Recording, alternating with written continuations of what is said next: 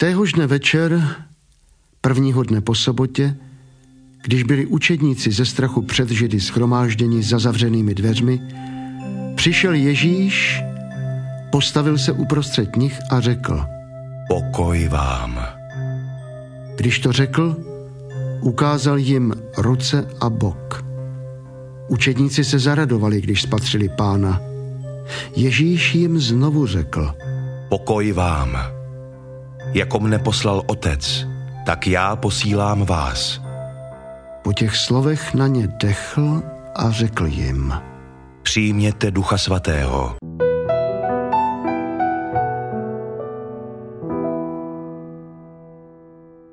Nastává chvíle, kdy se učedníci choulí strachem.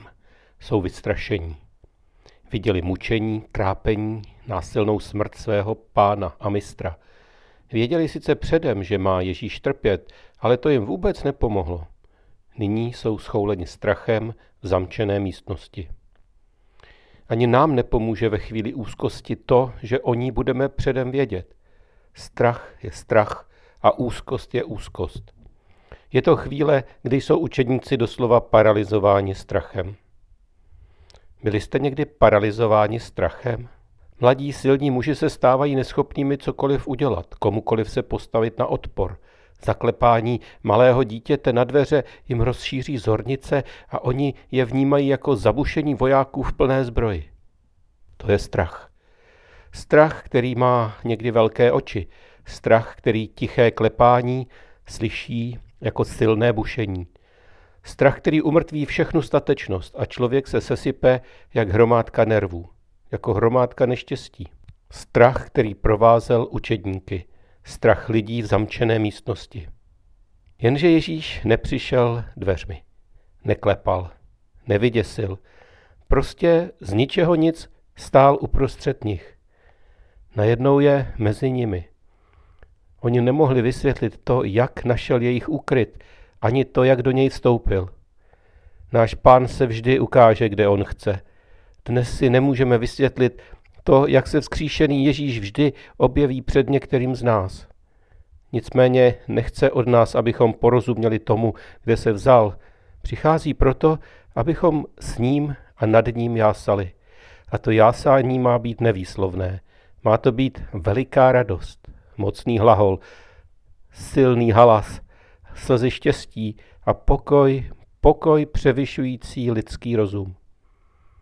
My nemůžeme zvládat logiku toho, jak to, že je vzkříšený pán najednou vedle nás, ale jistě můžeme pocítit to, jak se nás vzkříšený pán dotkne, jak nás uchopí a jak my uchopíme jej.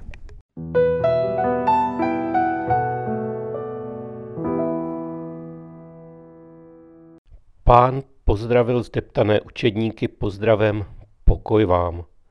To byl každodenní hebrejský pozdrav. To mělo stejnou sílu jako naše dnešní pozdrav pán Bůh nebo tak nějak. A když je pozdravil, ukázal jim své ruce a bok. To udělal proto, aby potvrdil svoji totožnost. Jako kdybychom dnes sejmuli otisky prstů.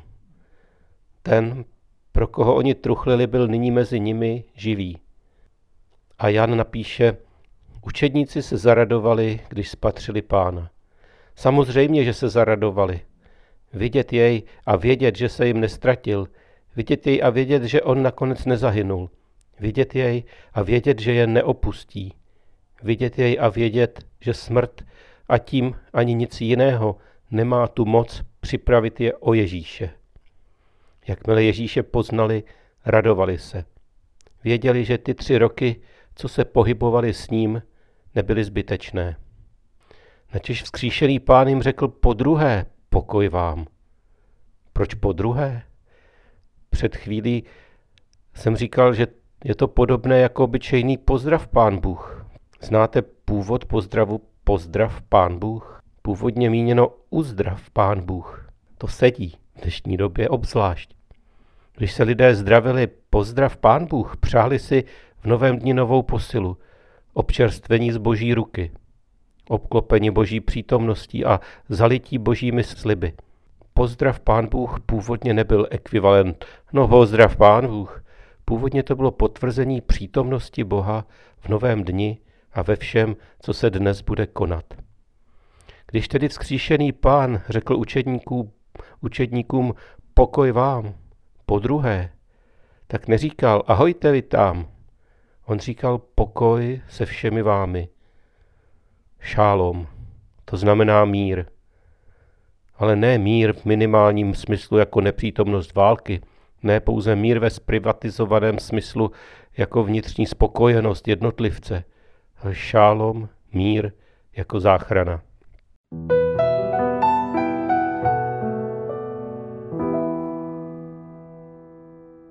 Když se vzkříšený pán objevil před svými bolestí otupenými učedníky s pokojem pro ně, tak jako by řekl, přátelé, mé ukřižování není popřední mé moci, jak jste si mysleli v těch posledních hodinách.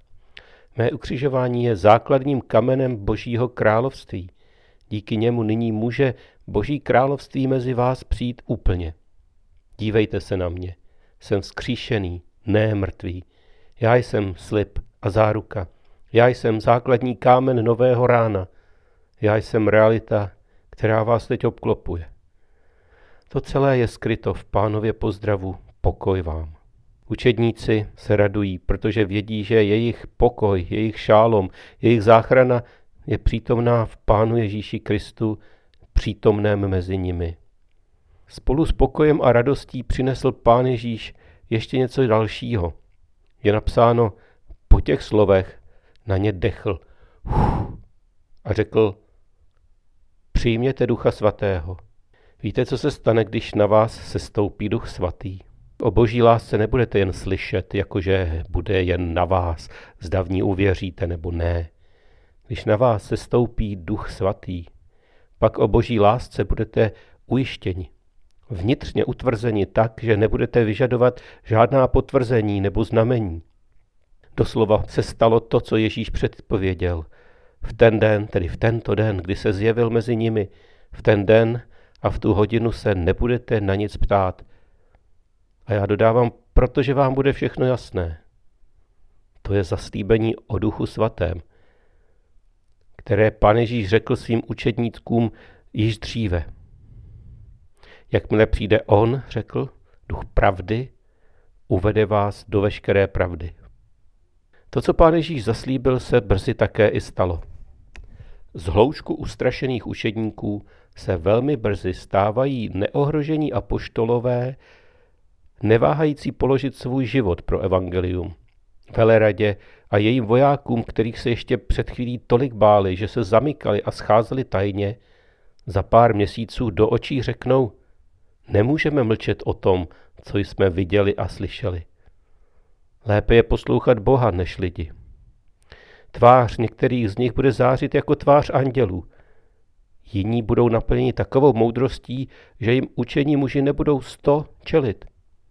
Někteří za to zaplatí životem. Ale všichni, všichni si budou jisti, že vzkříšený pán je s nimi. To se děje, když duch svatý se stupuje na boží lid. Tak jak o tom prorokoval kdysi prorok Joel. Pán Ježíš nepřicházel s prázdnou. Ani v to chvíli, když se setkal s učedníky v zamčené místnosti. Přišel s pokojem a přišel s duchem svatým – duchem, který zůstává do té doby, dokud ho jako tu plachou holubici nevyplašíme. Pro nás, kteří jsme Ducha Svatého zarmoutili a zůstali jen svěroučně zakonzervovaným vyznáním, platí ale rovněž možnost obnovy.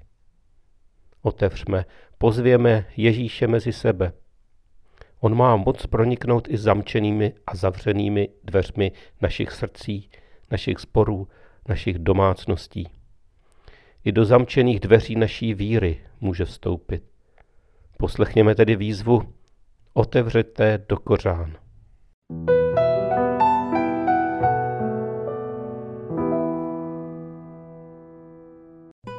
Duše má, chval hospodina. Pokud žiji, chci chválit hospodina. Pokud budu, chci opěvovat svého Boha.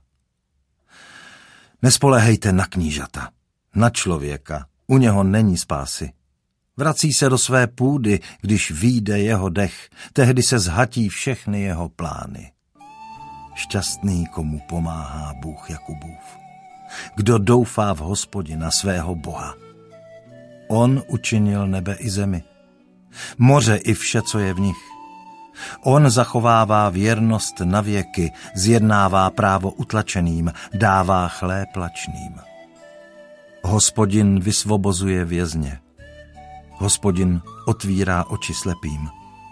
Hospodin napřimuje sklíčené. Hospodin miluje spravedlivé.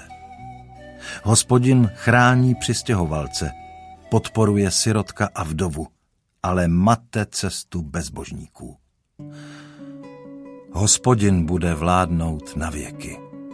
Tvůj Bůh, Sione, po všechna pokolení.